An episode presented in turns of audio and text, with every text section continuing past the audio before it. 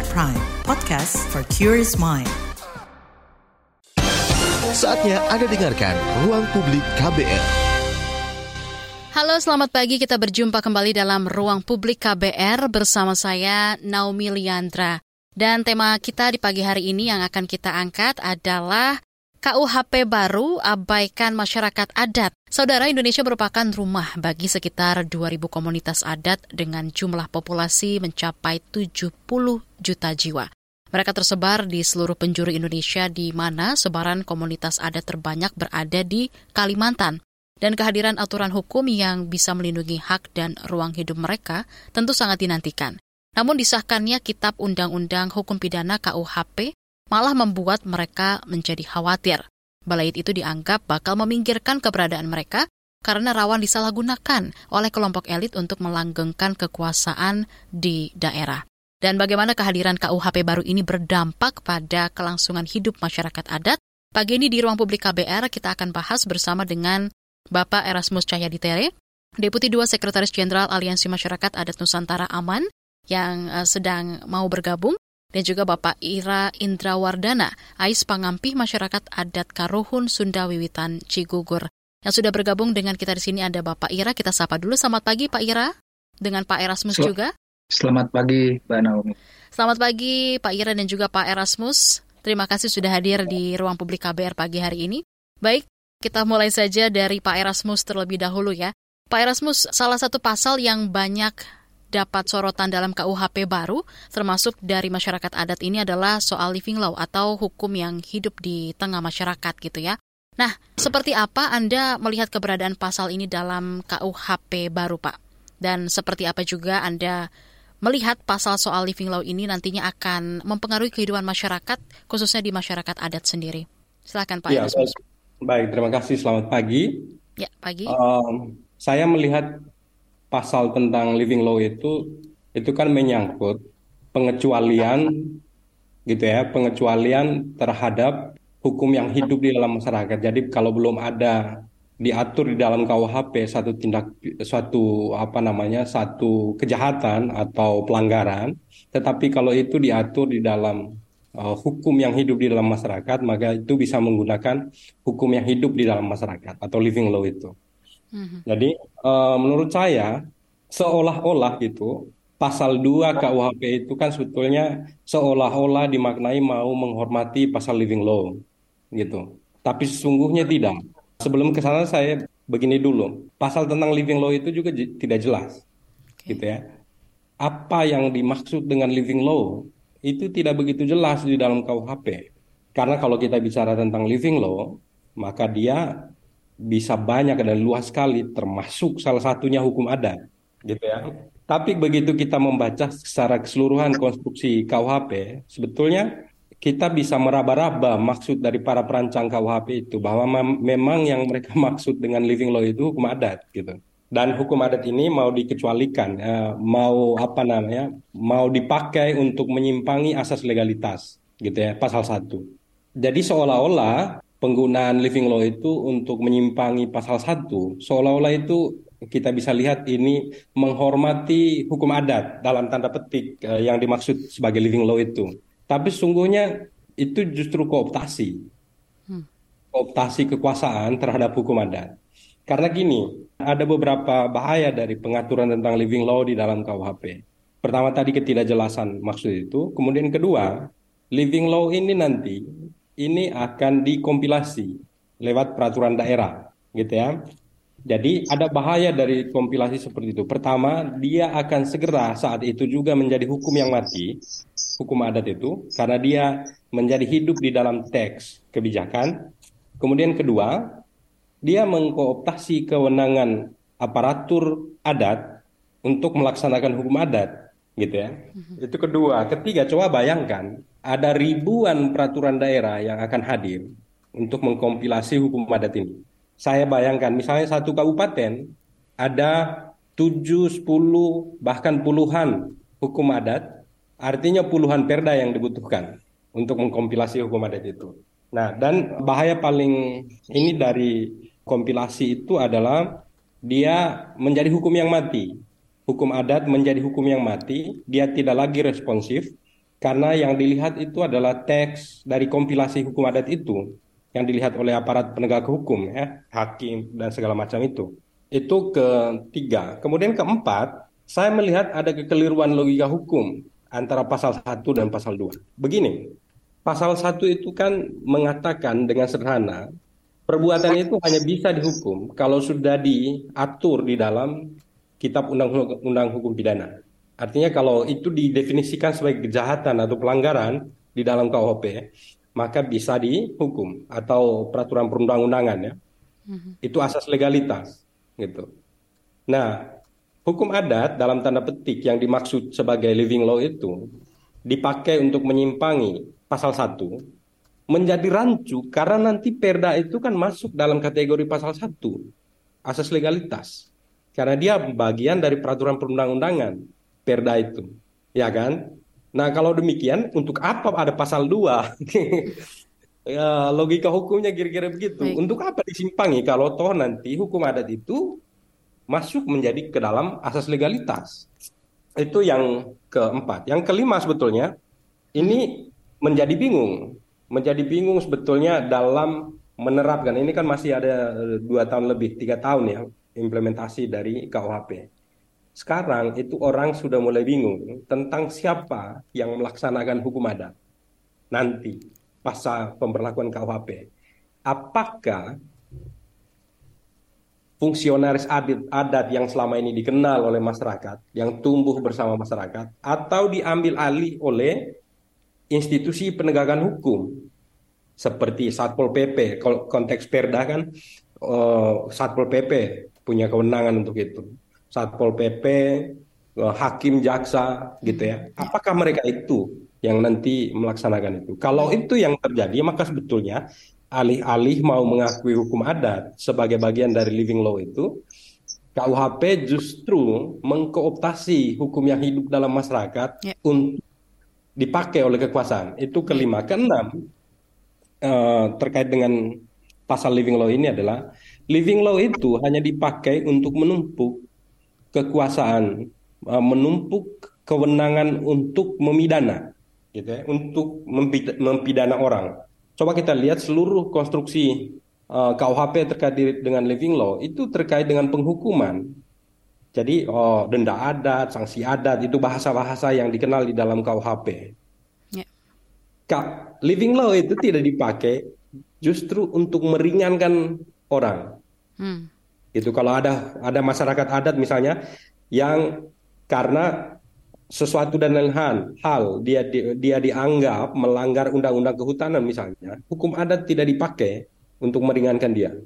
Baik, Pak Erasmus. Gitu. Hanya dipakai untuk memberatkan gitu. Ya. Itu uh, sementara, Mbak. Baik, Pak Erasmus dari keenam poin tadi ya yang sudah disampaikan oleh Pak Erasmus, salah satunya yang jadi kekhawatiran dampak dari pasal living law ini uh, soal mengkooptasi aparatur adat melaksanakan hukum adat dan siapa yang akan melakukan hukum adat gitu ya.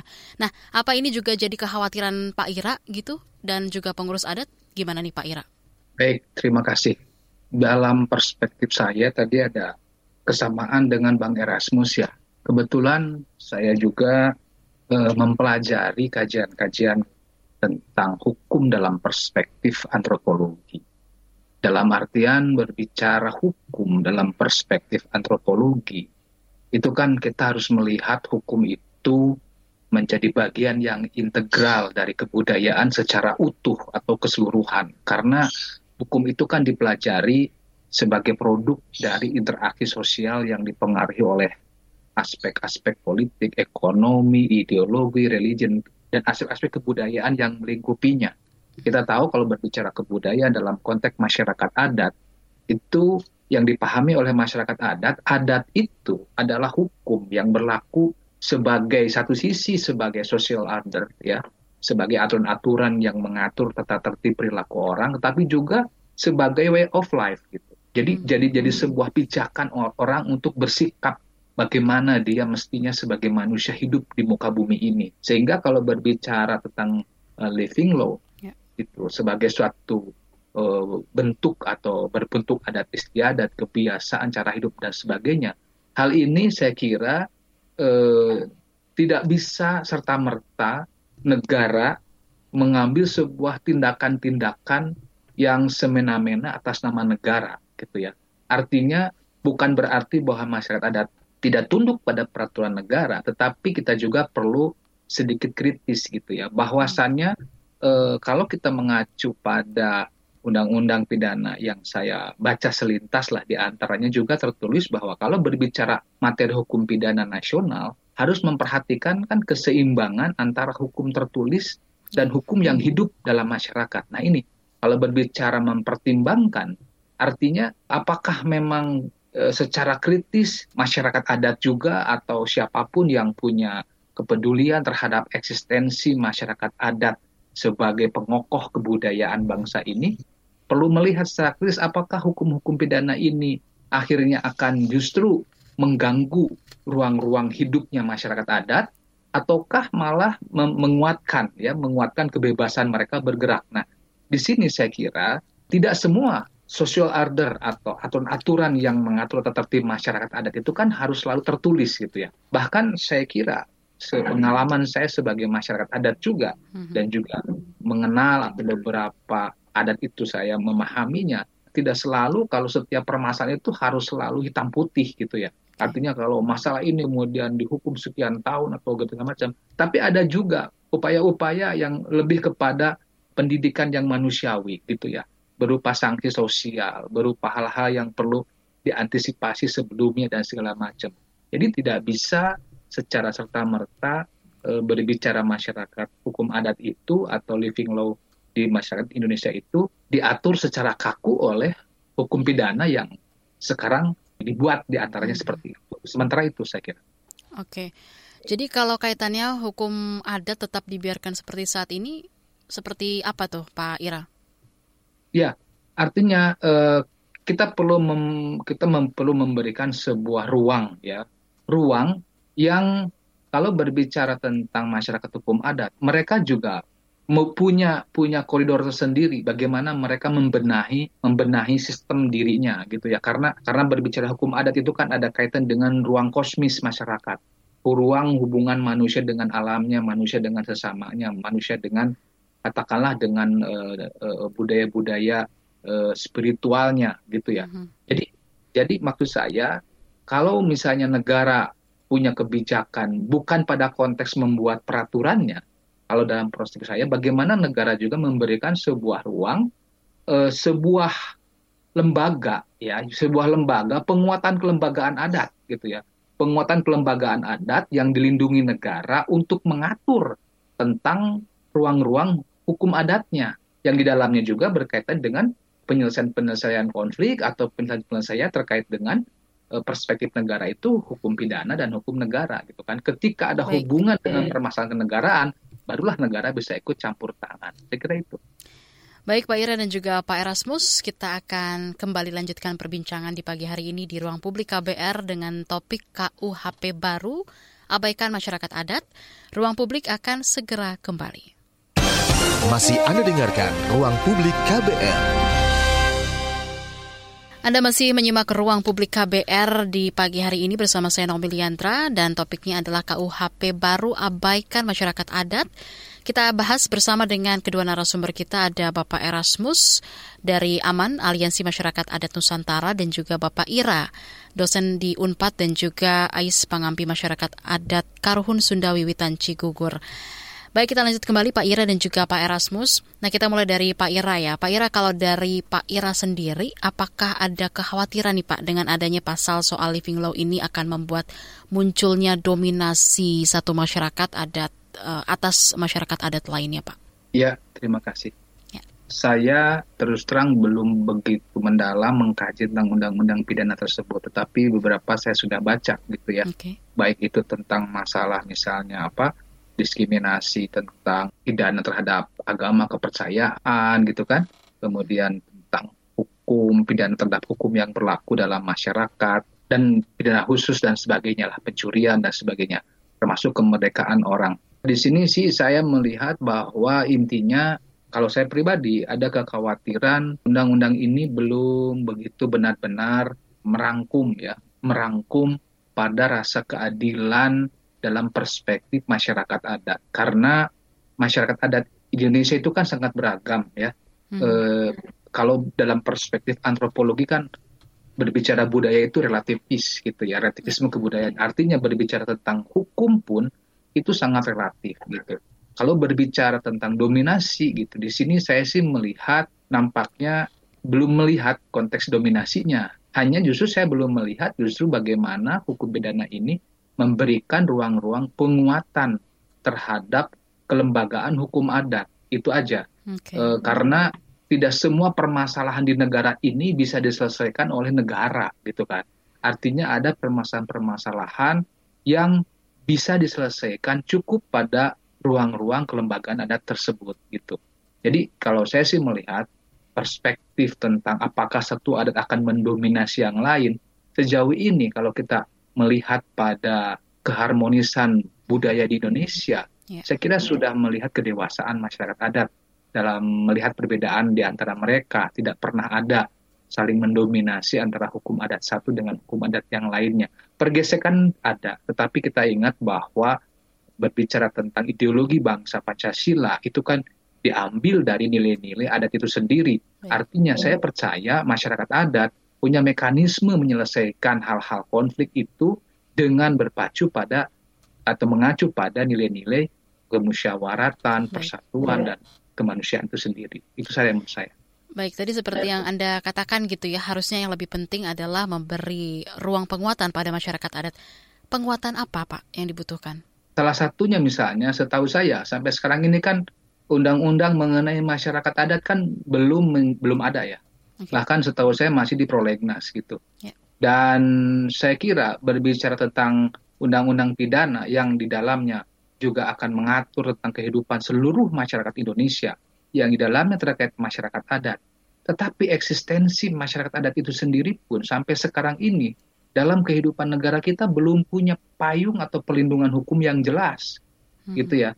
Bahkan tidak jarang masyarakat adat yang notabene sudah beratusan tahun hidup eksistensi sebagai masyarakat adat ya diberangus dengan hukum atas nama negara, hmm. atas kepentingan eh, misalnya perhutani atau untuk kepentingan uh, kekuasaan politik tertentu yang dianggap mengganggu pada kepentingan mayoritas dan sebagai sebagainya gitu ya uh, malah sebaliknya gitu masyarakat adat yang lebih banyak dilakukan tindakan-tindakan yang bernuansa pidana gitu ya seperti halnya pendiskriminasian, pendiskriminasian, pelecehan, mm -hmm.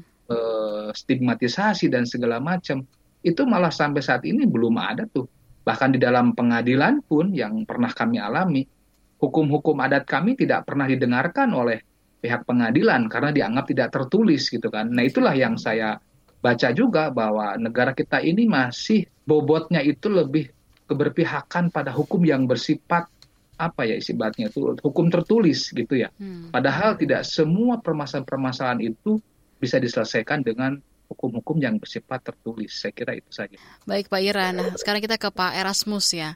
Pak Erasmus tadi sudah disinggung oleh Pak Ira gitu ya, kita membutuhkan undang-undang masyarakat adat gitu. Nah Pak Erasmus sendiri seperti apa sih Pak prosesnya dan mungkin update-nya juga seperti apa nih Pak? Oke baik, ya undang-undang masyarakat adat itu memang satu apa ya satu dorongan yang dilakukan oleh masyarakat adat itu sejak lama saya uh, mencatat itu kira-kira sejak tahun 2009 itu dilakukan, sudah mulai dikonsultasikan secara nasional ya, sejak tahun 2009. Tapi dalam konteks ini sebetulnya apa uh, kira-kira yang diharapkan dari undang-undang tentang masyarakat adat itu? Menurut saya dalam kaitannya dengan topik pembahasan kita pagi ini sebetulnya hmm. Lebih lebih banyak berelasi untuk uh, mengkreasikan suatu ruang bertemu antara hukum adat dengan hukum negara. Karena selama ini yang terjadi itu kan hukum adat itu menjadi subordinasi, dipakai dipakai tidak, dibuang sayang. Kira-kira begitu logika kekuasaan tentang hukum adat itu. Jadi itu adalah salah satu harapan yang sebetulnya disematkan di dalam ke dalam rancangan undang-undang masyarakat adat itu. Dan sejak lama kita menyuarakan ini. Kita perlu suatu ruang bertemu antara hukum adat yang merepresentasikan way of life tadi Pak Ira bilang, way of life masyarakat adat tidak hanya hukumnya dengan hukum yang dibuat oleh kekuasaan negara dan yang selama ini kan selalu menjadi sumber ketegangan antara kekuasaan dengan masyarakat adat itu. Jadi kalau kita bisa diskusikan kira-kira apa wujud nyata dari ruang bertemu yang kami maksud ya, ya. dengan undang-undang masyarakat adat itu. Ruang bertemu yang kami maksud itu adalah bahwa hukum adat itu tetap eksis, tetapi juga hukum negara itu berlaku tetapi berlaku pada jalur-jalur. Hanya perlu ruang ruang ketemu untuk mendialogkan dialog antar hukum kira-kira begitu yang diharapkan ya. Sambil contoh secara praktis hakim bisa di, diatur untuk menghadiri pengadilan adat menghadiri pengadilan adat dan kehadiran dia itu diotorisasi oleh hukum dan kemudian sehingga putusan pengadilan adat itu tercatat sebagai keputusan pengadilan negara gitu karena ada supervisi dari otoritas negara. Itu yang kami maksud dengan ruang ketemu itu. Ya, baik. Pak Erasmus dan juga Pak Ira, sudah ada penelpon yang bergabung. Kita sapa dulu ada Ibu Tri di Jakarta. Selamat pagi Ibu Tri. Iya, selamat pagi. Silakan Ibu, ada yang mau ditanyakan? Silakan. Iya, selamat pagi Pak Ira dan juga Pak Erasmus ya. Terus terang pembicaraan eh, pagi ini menarik karena banyak hal yang saya tidak tahu memang soal masyarakat adat dan hukum adat begitu ya. Jadi tapi saya jadi bertanya kalau mungkin ini sudah dijelaskan tadi tapi saya mungkin ingin menanyakannya kembali. Jadinya ketika ada KUHP baru ini yang uh, soal apa living law itu yang hukum adat itu apakah nantinya itu uh, semua kayak pengadilan adat itu tuh apakah tidak boleh lagi atau bagaimana ya Pak ya tadi terakhir saya sempat dengar uh, bisa hakim yang di pengadilan itu datang menghadiri pengadilan adat kita atau bagaimana Pak? Nah, apakah ini nanti tidak akan menimbulkan kebingungan ya Pak ya di masyarakat terutama masyarakat adat kalau ada hakim yang datang kemudian menghadiri hakim uh, pengadilan adat begitu Pak. Nah, yang kedua, menurut saya sih ya kalau berkaitan dengan masyarakat adat ini lebih baik dikembalikan saja kepada masing-masing masyarakatnya kan karena juga aturannya pasti beda-beda di uh, setiap uh, masyarakat ya Pak ya. Jadi saya kira yang perlu menurut saya makin melindungi masyarakat adat terutama karena juga saya uh, baca-baca itu sering sekali atau uh, ada banyak juga kasus-kasus yang melibatkan masyarakat adat kayak tanahnya dirampas gitu ya atau apa namanya kalau di KTP kepercayaannya nggak boleh ditulis begitu saya kira itu sangat penting untuk diisukan dan dilindungi begitu Pak. Saya kira itu saja. Terima kasih. Terima kasih Ibu Tri di Jakarta. Nanti bisa ditanggapi setelah break eh, berikut ini oleh kedua narasumber kita ada Pak Ira dan juga Pak Erasmus. Ruang publik akan segera kembali. Masih Anda dengarkan Ruang Publik KBR. Tadi kita melanjutkan ya Pak Erasmus dan juga Pak Ira pertanyaan yang sudah disampaikan oleh Ibu Tri di Jakarta. Bisa ditanggapi terlebih dahulu mungkin oleh Pak Erasmus, silakan. Menurut saya yang akan terjadi justru uh, hukum adat dipakai sebagai sebagai dalam tanda petik alat ya. Tapi hukum adat yang dipakai itu adalah hukum adat yang kemudian diubah menjadi cara berpikir kekuasaan. Itu tadi sudah saya sebutkan bahwa KUHP melihat living law itu harus diatur dan dikompilasi dalam peraturan-peraturan daerah. Tidak ada yang menjamin bahwa tidak ada distorsi di sana sini dalam pembuatan perda. Itu tentang itu. Pasti cara pikir kekuasaan bisa masuk ke dalam. Dan perda itu kan produk hukum yang dikerjakan melalui metode politik, gitu ya.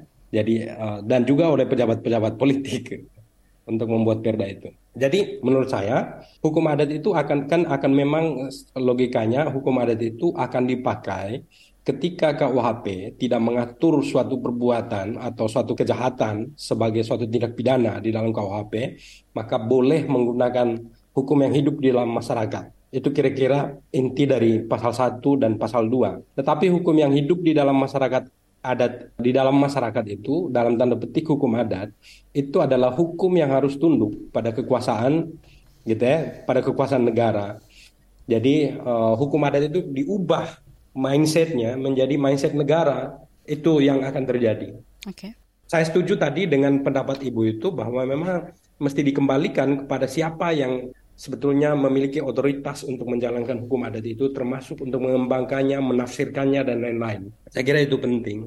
Terima kasih. Baik, Pak Erasmus mungkin ada tanggapan tambahan dari Pak Ira. Silakan, Pak Ira.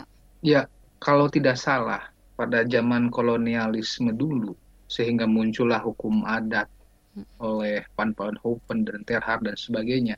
Katanya nih, mungkin mohon maaf kalau mohon dikoreksi justru hukum-hukum adat pada masa itu dihormati gitu ya diberikan ruang katakanlah hmm. makanya ada ada konteks itu dan sampai sekarang juga saya kira para ahli hukum lawyer yang mengaitkan pada konflik-konflik kasus adat selalu menggunakan pendekatan teori-teori dari situ. Yeah. Nah pertanyaannya sekarang kenapa menjadi negara negara menjadi abai terhadap eksistensi hukum-hukum adat hukum yang sudah jauh ada sebelum ada negara gitu kan. Bahkan di sini negara lebih aware kepada hukum agama. Bukan berarti hmm. ingin menegasikan antara hukum adat dengan hukum agama. Saya kira di negara kita hukum-hukum agama sudah begitu diberi ruang yang cukup luas sampai ya. ada pengadilan agama dan segala macam. Bagaimana dengan pengadilan hukum adat yang saya kira bukan masalah harus diunifikasikannya, tetapi justru keragamannya itu yang harus diberikan ruang oleh negara. Sehingga saya kembali tadi punya pemikiran ya penguatan kelembagaan adat inilah yang harus diberikan ruang oleh negara gitu ya. Jadi hmm. otonomi daerah sesungguhnya adalah bagaimana memberikan ruang perlindungan negara seperti halnya negara menjamin kemerdekaan tiap penduduk yeah. untuk apa namanya untuk hidup dengan budayanya, untuk hidup dengan eksistensi e, mereka sebagai kodrat yang memiliki akar-akar budaya termasuk hukum adatnya. Jadi saya sih hukum adat ini e, perlu diberikan ruang dan pada saat mana kemudian negara masuk ketika permasalahan-permasalahan itu memang sudah dianggap mengganggu pada kepentingan negara yang lebih luas gitu kan. Jadi tidak serta merta negara harus selalu campur urusan mm -hmm. tangan gitu ya. Selama adat masih bisa memberikan apa namanya solusi-solusi yeah. yang bijak dan arif saya kira. Kan punya kearifan lokal di sana. Terima kasih. Baik, terima kasih Pak Ira dan juga Pak Erasmus atas tanggapannya. Kembali kita akan bacakan beberapa komentar yang sudah masuk di channel YouTube Berita KBR. Ada Pak Arif Syafrudin. Bagaimana menurut pandangan Bapak cara terbaik untuk memfasilitasi dan mengatur hukum adat yang pastinya sangat bervariasi di 2000 komunitas dan 70 juta jiwa ini? Bisa ditanggapi dulu oleh Pak Erasmus, silakan Pak Erasmus. Ya, menurut saya tidak dalam rangka mengatur, gitu ya Hmm. Justru konteks yang paling utama itu adalah negara hanya cukup menghormati. Nah, kata menghormati itu adalah konsep hak asasi manusia, di mana negara sebetulnya diharapkan pasif. Hmm. Jadi pasif dan di sisi lain aktif melindungi gitu kira-kira ya. Hmm. Jadi hukum adat ini dibiarkan tetap dibiarkan hidup dan tumbuh dan berkembang menurut karena itu kan cara hidup itu filsafat hidup dari sekelompok masyarakat gitu. Jadi itu dibiarkan hidup dan berkembang. Kemudian negara hanya perlu menghormatinya dan di sisi lain negara justru punya kewajiban hak asasi untuk melindungi berlangsungnya hukum-hukum adat itu bukan dengan cara mengkooptasinya dengan cara KUHP seperti ini justru. Ya. Kalau saya itu uh, ya. respon terhadap pertanyaan itu. Baik, tanggapan dari Pak Ira? Saya kira kurang lebih sama ya. Hmm. Uh, intinya negara yang penting adalah bagaimana menjamin kemerdekaan tiap penduduk untuk bisa eksis dengan kebudayaannya. Kita harus sadar Indonesia yang beragam kebudayaan ini sudah relatif aman di dunia dibandingkan bangsa lain yang baru dua sampai sekarang dua kebudayaan berantem terus ya. Artinya pemerintah juga saya kira perlu melihat secara jeli bahwa di dalam hukum-hukum adat yang berkembang di Indonesia ini mereka sudah punya mekanisme yang begitu arif saya kira untuk tidak hanya mengatasi hubungan-hubungan manusia dengan manusia, tetapi juga manusia dengan alam, gitu kan? Bagaimana ketika hutan terjaga ketika ada kalau dalam orang Sunda itu dengan istilah pamali atau tabu, gitu kan? Yeah. Dengan adanya tabu orang sudah takut bisa bisa menjaga hutan, tidak berani untuk mengambil satu satu apa e, daun pun, yeah. bahkan harus yeah. permisi kan gitu. Jadi saya kira di sini negara yang penting adalah uh, punya koridor kemanusiaan, punya koridor uh, apa keadilan sosial dan segala macam berdasarkan ideologi kita, bangsa kita, Pancasila. Nah, di luar itu negara boleh bertindak gitu ya dalam dalam tujuan untuk menjaga uh, kestabilan negara dan masyarakat. Saya kira itu saja. Baik, kita lanjut lagi dari Mas Doniel. Apakah menurut Bapak masyarakat adat ini pernah nggak diajak berembuk baik dengan penegak hukumnya dan masyarakat adat dalam merancang KUHP ini? Gimana tanggapan dari Pak Erasmus nih Pak? Iya, dalam beberapa kesempatan saya kira kawan-kawan dari masyarakat adat itu pernah diajak bicara ya. Pernah Tapi ya? ini Oke. adalah suatu situasi di mana sebetulnya partisipasi masyarakat adat dalam konteks ini dalam penyusunan KUHP itu tidak efektif. Karena sebetulnya negara melalui para perancang itu sebetulnya juga sudah punya konteks berpikir sendiri dan sehingga apa pun yang disuarakan oleh masyarakat itu tidak menjadi perhatian. Karena saya misalnya mengambil contoh, kami terlibat di dalam satu koalisi eh, tolak RKUHP ketika itu ketika belum ditetapkan menjadi undang-undang. Mhm. Jadi hal-hal yang tadi saya bicarakan dan juga saya kira banyak yang disampaikan Pak Ira tadi juga kami kami eh, sampaikan ketika itu ke pemerintah ya. Tetapi kan akhirnya apa yang kami suarakan itu tidak terefleksikan di dalam teks KUHP. Artinya memang eh, kami melihat bahwa partisipasi itu selalu menjadi isu penting di Indonesia, terutama konteksnya adalah partisipasi yang penuh dan efektif. Penuh itu boleh jadi dipenuhi karena ada banyak pertemuan yang juga dihadiri oleh kelompok-kelompok masyarakat, tetapi efektifkah? Uh, belum tentu gitu ya, belum tentu karena uh, di sana ada keinginan yang lebih kuat dari uh, kekuasaan gitu, saya kira. Oke, dari Pak Ira tambahannya seperti apa Pak? Cukup dulu sementara. Cukup dulu sementara baik.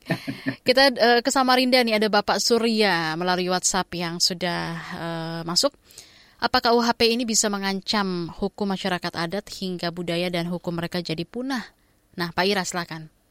Ya, tidak tidak serta merta seluruh KUHP itu negatif, maksud saya begitu kan. Yang saya maksudkan bahwa KUHP itu ada ruang-ruang yang belum memberikan penjaminan terhadap eksistensi hukum adat gitu kan. Kedua, tidak semua kasus-kasus pidana itu yang berkaitan dengan kehidupan living law itu kan bisa diselesaikan dengan hukum negara kan gitu. Bahwa memang ada yang perlu eh, negara campur tangan dalam konteks itu, tetapi tidak juga kemudian negara menjadi memonopoli terhadap hak-hak dalam penyelesaian konflik-konflik di masyarakat adat. Saya kira seperti itu. Karena kita juga perlu memahami bahwa hukum dalam perspektif masyarakat itu kan tidak hanya hitam atas putih sebuah aturan, tetapi juga sebagai proses sosial, proses filosofis gitu ya. Yang eh, orang bisa saja berubah dalam waktu yang singkat ketika orang kemudian disadarkan oleh ketua adatnya, oleh masyarakatnya, oleh keluarganya untuk kembali pada nilai-nilai keadatan yang luhurnya. Jadi tidak tidak serta merta kemudian orang itu harus kemudian hitam atas putih dan kemudian Hmm. mendapatkan reward and punishment-nya. Kebanyakan pidana malah lebih kepada punishment-nya, tidak Hmm. kepada reward-nya kan gitu. Di adat ada reward-nya. Saya kira seperti itu. Terima kasih. Baik, kita lanjut lagi dari Ibu Salsa di Jakarta. Selain tradisi dan hukum yang sudah disebutkan tadi, dampak apa lagi yang berimbas pada kehidupan masyarakat adat yang terpengaruh dari KUHP ini? Gimana nih Pak Erasmus? Silakan ditanggapi Pak. Ya, saya kira oh, mirip-mirip dengan pertanyaan pertama. Saya kira gini, pasal tentang living law itu sendiri sebetulnya kalau dia berdiri begitu saja, itu sebetulnya tidak bermasalah ya. Tidak bermasalah, hanya memang hakim akan kesulitan dalam mengoperasionalisasikannya. Yang bermasalah dari KUHP itu adalah cara pikir tentang living law yang kurang tepat. Satu, kemudian kedua, cara mengoperasionalisasikan living law di dalam pasal-pasal di dalam KUHP itu yang bermasalah. Sehingga kalau dikatakan apa eh, apakah ini ancaman, saya bisa katakan ini ancaman serius terhadap keberlangsungan hukum adat itu sendiri. Karena gini, kompilasi itu, kompilasi hukum adat ke dalam peraturan-peraturan daerah itu memang akan mematikan hukum adat. Karakter dari hukum tertulis itu kan begitu, dia mati seketika itu juga saat dia ditulis gitu dan tidak memungkinkan untuk eh, interpretasi yang lain. Hukum yang hidup di dalam masyarakat tidak begitu karakternya. Dia responsif terhadap situasi khusus. Satu kasus yang sama bisa jadi hukumannya berbeda. Jadi itu yang menurut saya nilai lebih dari hukum yang hidup di dalam masyarakat itu karena dia sangat responsif terhadap kebutuhan masyarakat itu sendiri. Baik. Saya kira selain itu ancaman yang lain dari KUHP ini adalah living law itu hanya dipakai dengan semangat menghukum, gitu ya. living law tidak dipakai untuk semangat mengeringankan hukuman atau membebaskan orang dari hukuman itu masalah yang lain lagi dari KUHP. Mm-hmm. Jadi seolah-olah living law itu memang karakternya menghukum, padahal tidak begitu living law mm. dalam pengertian hukum adat itu. Dia itu kan sebetulnya memperbaiki relasi yang uh, sudah rusak di dalam masyarakat itu dengan cara musyawarah mufakat, yeah. dengan cara lain-lain ya. Kesepakatan saya bersama ya Pak ya, bukan hanya menghukum saja terus-menerus. Iya, saya kira itu. Baik Pak Erasmus dan juga Pak Ira, nanti kita kembali lanjutkan. Mungkin ada beberapa pertanyaan juga yang belum sempat dibacakan, kita akan lanjutkan kembali setelah pesan-pesan berikut ini. Tetaplah di Ruang Publik KBR. Masih Anda dengarkan Ruang Publik KBR. Akhirnya kita tiba di bagian akhir ruang publik KBR pagi hari ini dan bagi Anda yang tidak sempat mendengarkan siaran pagi hari ini dari awal, Anda bisa dengarkan ulang kembali di kbrprime.id dan bisa pilih ruang publik. Masih bersama dengan kedua narasumber kita, ada Pak Erasmus dan juga Pak Ira. Baik, tadi kita sudah bacakan beberapa pendapat, komentar, dan juga pertanyaan dan sudah ditanggapi oleh kedua narasumber kita. Sekarang saya mau tanya uh, ke Pak Erasmus ya. Rakernas Aman ketujuh yang berlangsung belum lama ini berhasil melahirkan resolusi Rejang Lebong yang berisi 23 butir pernyataan sikap masyarakat adat. Salah satunya juga mendesak Presiden untuk segera membentuk satuan tugas masyarakat adat yang bertugas membangun sistem penyelesaian konflik, kemudian juga merumuskan dan melaksanakan pemulihan kepada masyarakat adat yang telah menjadi korban pelanggaran HAM. Nah, Pak Erasmus, apa yang perlu diperhatikan bila Satgas semacam ini terbentuk gitu Pak, agar bisa melaksanakan tugasnya dengan maksimal dan juga tentunya berdampak nyata? Baik, Satgas ini sebetulnya uh, digagas dalam uh, konteks tertentu, di mana sebetulnya kebijakan atau hukum negara tentang masyarakat adat dan hak asal usul atau hak, -hak tradisionalnya itu uh, bersifat diskriminatif, kemudian juga dengan paradigma sektoral sehingga hasilnya itu parsial, gitu ya. Mm -hmm dalam konteks itulah sebetulnya Satgas ini didorong gitu untuk uh, mengkreasikan satu langkah-langkah satu langkah-langkah yang uh, bisa supaya kita keluar sebetulnya dari jeratan sektoralisme. Karena kalau dikerjakan oleh kementerian sektoral ini tidak akan pernah selesai gitu. Dan Satgas ini sebetulnya untuk merespon pengumuman satu pengumuman hukum yang dikeluarkan oleh eh, putusan MK 35 ya, Mahkamah Konstitusi nomor 35 tahun 2012 yang secara sederhana mengatakan bahwa penguasaan negara atas hutan di wilayah adat itu bertentangan dengan konstitusi. Karena dia bertentangan, maka konsekuensinya adalah segala sesuatu yang dahulu dikuasai negara harus dikembalikan kepada masyarakat adat. Itu konsekuensinya. Hmm. Nah, tapi selama ini kan sebetulnya cara untuk mengembalikannya itu yang dikerjakan secara sektoral dan parsial tadi. Ya. Itulah sebabnya kami melihat bahwa perlu ada satgas ini. Sekaligus satgas ini sebetulnya dimaksudkan juga untuk mempercepat proses pembahasan undang-undang rancangan undang-undang masyarakat adat selain untuk menyelesaikan konflik dan menyusun satu langkah-langkah remedi terhadap pelanggaran di masa lalu yang dilakukan oleh negara. Saya kira itu tujuan dari satgas ini. Baik, Pak Erasmus. Nah, uh, Pak Ira, kira-kira uh, apa bentuk pemulihan yang harusnya diterima nih Pak masyarakat adat yang menjadi korban pelanggaran HAM? Apakah sejauh ini memang sudah ada kejadian gitu atau seperti apa nih Pak Ira?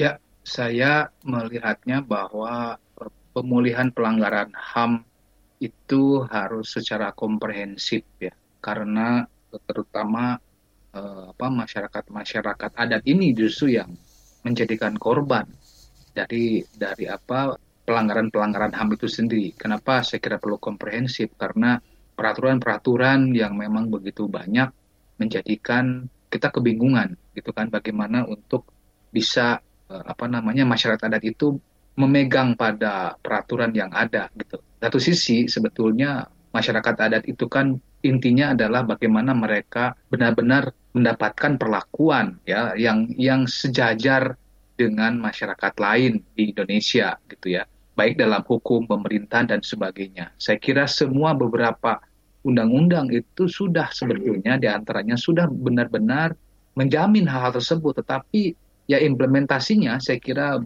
belum ada yang real. Masyarakat-masyarakat adat itu dilindungi ya. Bahkan yang saya lihat gitu kan, ketika ada konflik-konflik yang menitik beratkan permasalahannya itu pada masyarakat adat, justru masyarakat adat yang selalu dijadikan kambing hitamnya, bahkan dengan cara-cara yang tidak manusiawi gitu ya, sampai ada ketua adat diseret-seret dan segala macam gitu kan. Hal seperti ini kan hal yang melanggar HAM ya, belum juga terkait dengan masalah hak keyakinan misalnya. Sampai saat ini saya kira Baik. kalau mau jujur, agama-agama leluhur di Indonesia ini belum benar-benar diakui katakanlah atau dilindungi dan dijamin secara konstitusi. Padahal konstitusinya sudah menjamin, tetapi implementasinya ini belum. Apakah itu juga bukan merupakan pelanggaran HAM kalau berbicara bahwa setiap warga negara juga punya punya punya pasal ya dalam undang-undang HAM untuk meyakini keyakinannya masing-masing kan gitu. Nah ini ini saya kira perlu komprehensif makanya saya bilang berbicara tentang perlindungan HAM bagi masyarakat adat baik itu HAM terkait dengan hak sipil, hak kewilayahan atau hak konteks wilayahnya dan juga hak-hak tentang budaya lainnya. Jangan sampai perspektif hukum di kita ini menafikan dan menjadikan masyarakat itu sebagai kelas kedua di dalam negara kita gitu ya. Karena apa-apa selalu memandang negatif terhadap masyarakat adat. Ini yang dikhawatirkan ketika undang-undang pidana ini seolah-olah hanya untuk disorotkan atau kepada masyarakat adat, bukan kepada pihak luar yang selama ini justru mengganggu eksistensi masyarakat adat itu sendiri dengan kehidupan yang holistiknya itu sendiri. Begitu, Mbak. Baik, terima kasih untuk tanggapannya dan karena sudah eh, terbatas juga waktunya, terakhir masing-masing bisa disampaikan singkat saja satu menit em, terkait upaya perlindungan terhadap masyarakat adat dan hukum adat bisa disampaikan dari Pak Erasmus lalu ditutup oleh Pak Ira, silakan. Iya, baik. Terima kasih. Saya kira kalau bisa, kalau masih ada kesempatan untuk direvisi, sebaiknya direvisi KUHP. Kemudian cara kedua itu adalah dengan eh, menggunakan peluang yang masih terbuka sekarang ini dengan rancangan undang-undang masyarakat adat. Saya kira beberapa hal yang tadi kita diskusikan itu bisa masuk ke sana dan itu harus dipersepsikan sebagai undang-undang yang bersifat khusus terhadap KUHP. Jadi supaya tidak terjadi benturan ya. Karena kalau tidak, memang mungkin di masa depan anak cucu kita melihat hukum adat tidak seperti yang kita bayangkan lagi saat ini. Dia menjadi hukum adat yang memang sudah berubah, sudah berubah dalam pengertian dia sudah menjadi hukum yang dikooptasi Ya. oleh kekuasaan, oleh cara pikir kekuasaan. Saya kira Baik. itu yang akan terjadi. Baik, Demikian. Pak Erasmus, terima kasih dari Pak Ira. Silakan Pak Ira, singkat saja. Ingat saja bahwa KUHP sekarang perlu kembali dikaji dan diperbaiki dengan memperhatikan konteks relativisme kebudayaan yang ada di Indonesia. Dan juga perlu memperhatikan nilai-nilai ideologis yang berkembang dalam hukum adat yang tidak hanya sebagai social order tapi juga sebagai way of life-nya masyarakat-masyarakat yang ada di Indonesia. Saya kira itu saja. Baik, terima kasih banyak untuk kedua narasumber kita pagi hari ini di Ruang Publik KBR. Ada Pak Erasmus Cahyadi Tere, Deputi 2 Sekretaris Jenderal Aliansi Masyarakat Adat Nusantara Aman. Dan terima kasih juga untuk Pak Ira Indrawardana, AIS Pangampi Masyarakat Adat Karuhun Sunda Wiwitan Cigugur dan dosen di UNPAD. Dan juga untuk Anda pendengar yang sudah menyimak Ruang Publik KBR dengan topik kita pagi hari ini KUHP baru, abaikan masyarakat adat. Terima kasih banyak dan akhirnya saya Naomi Liandra pamit. Sampai jumpa. Baru saja Anda dengarkan Ruang Publik KBR.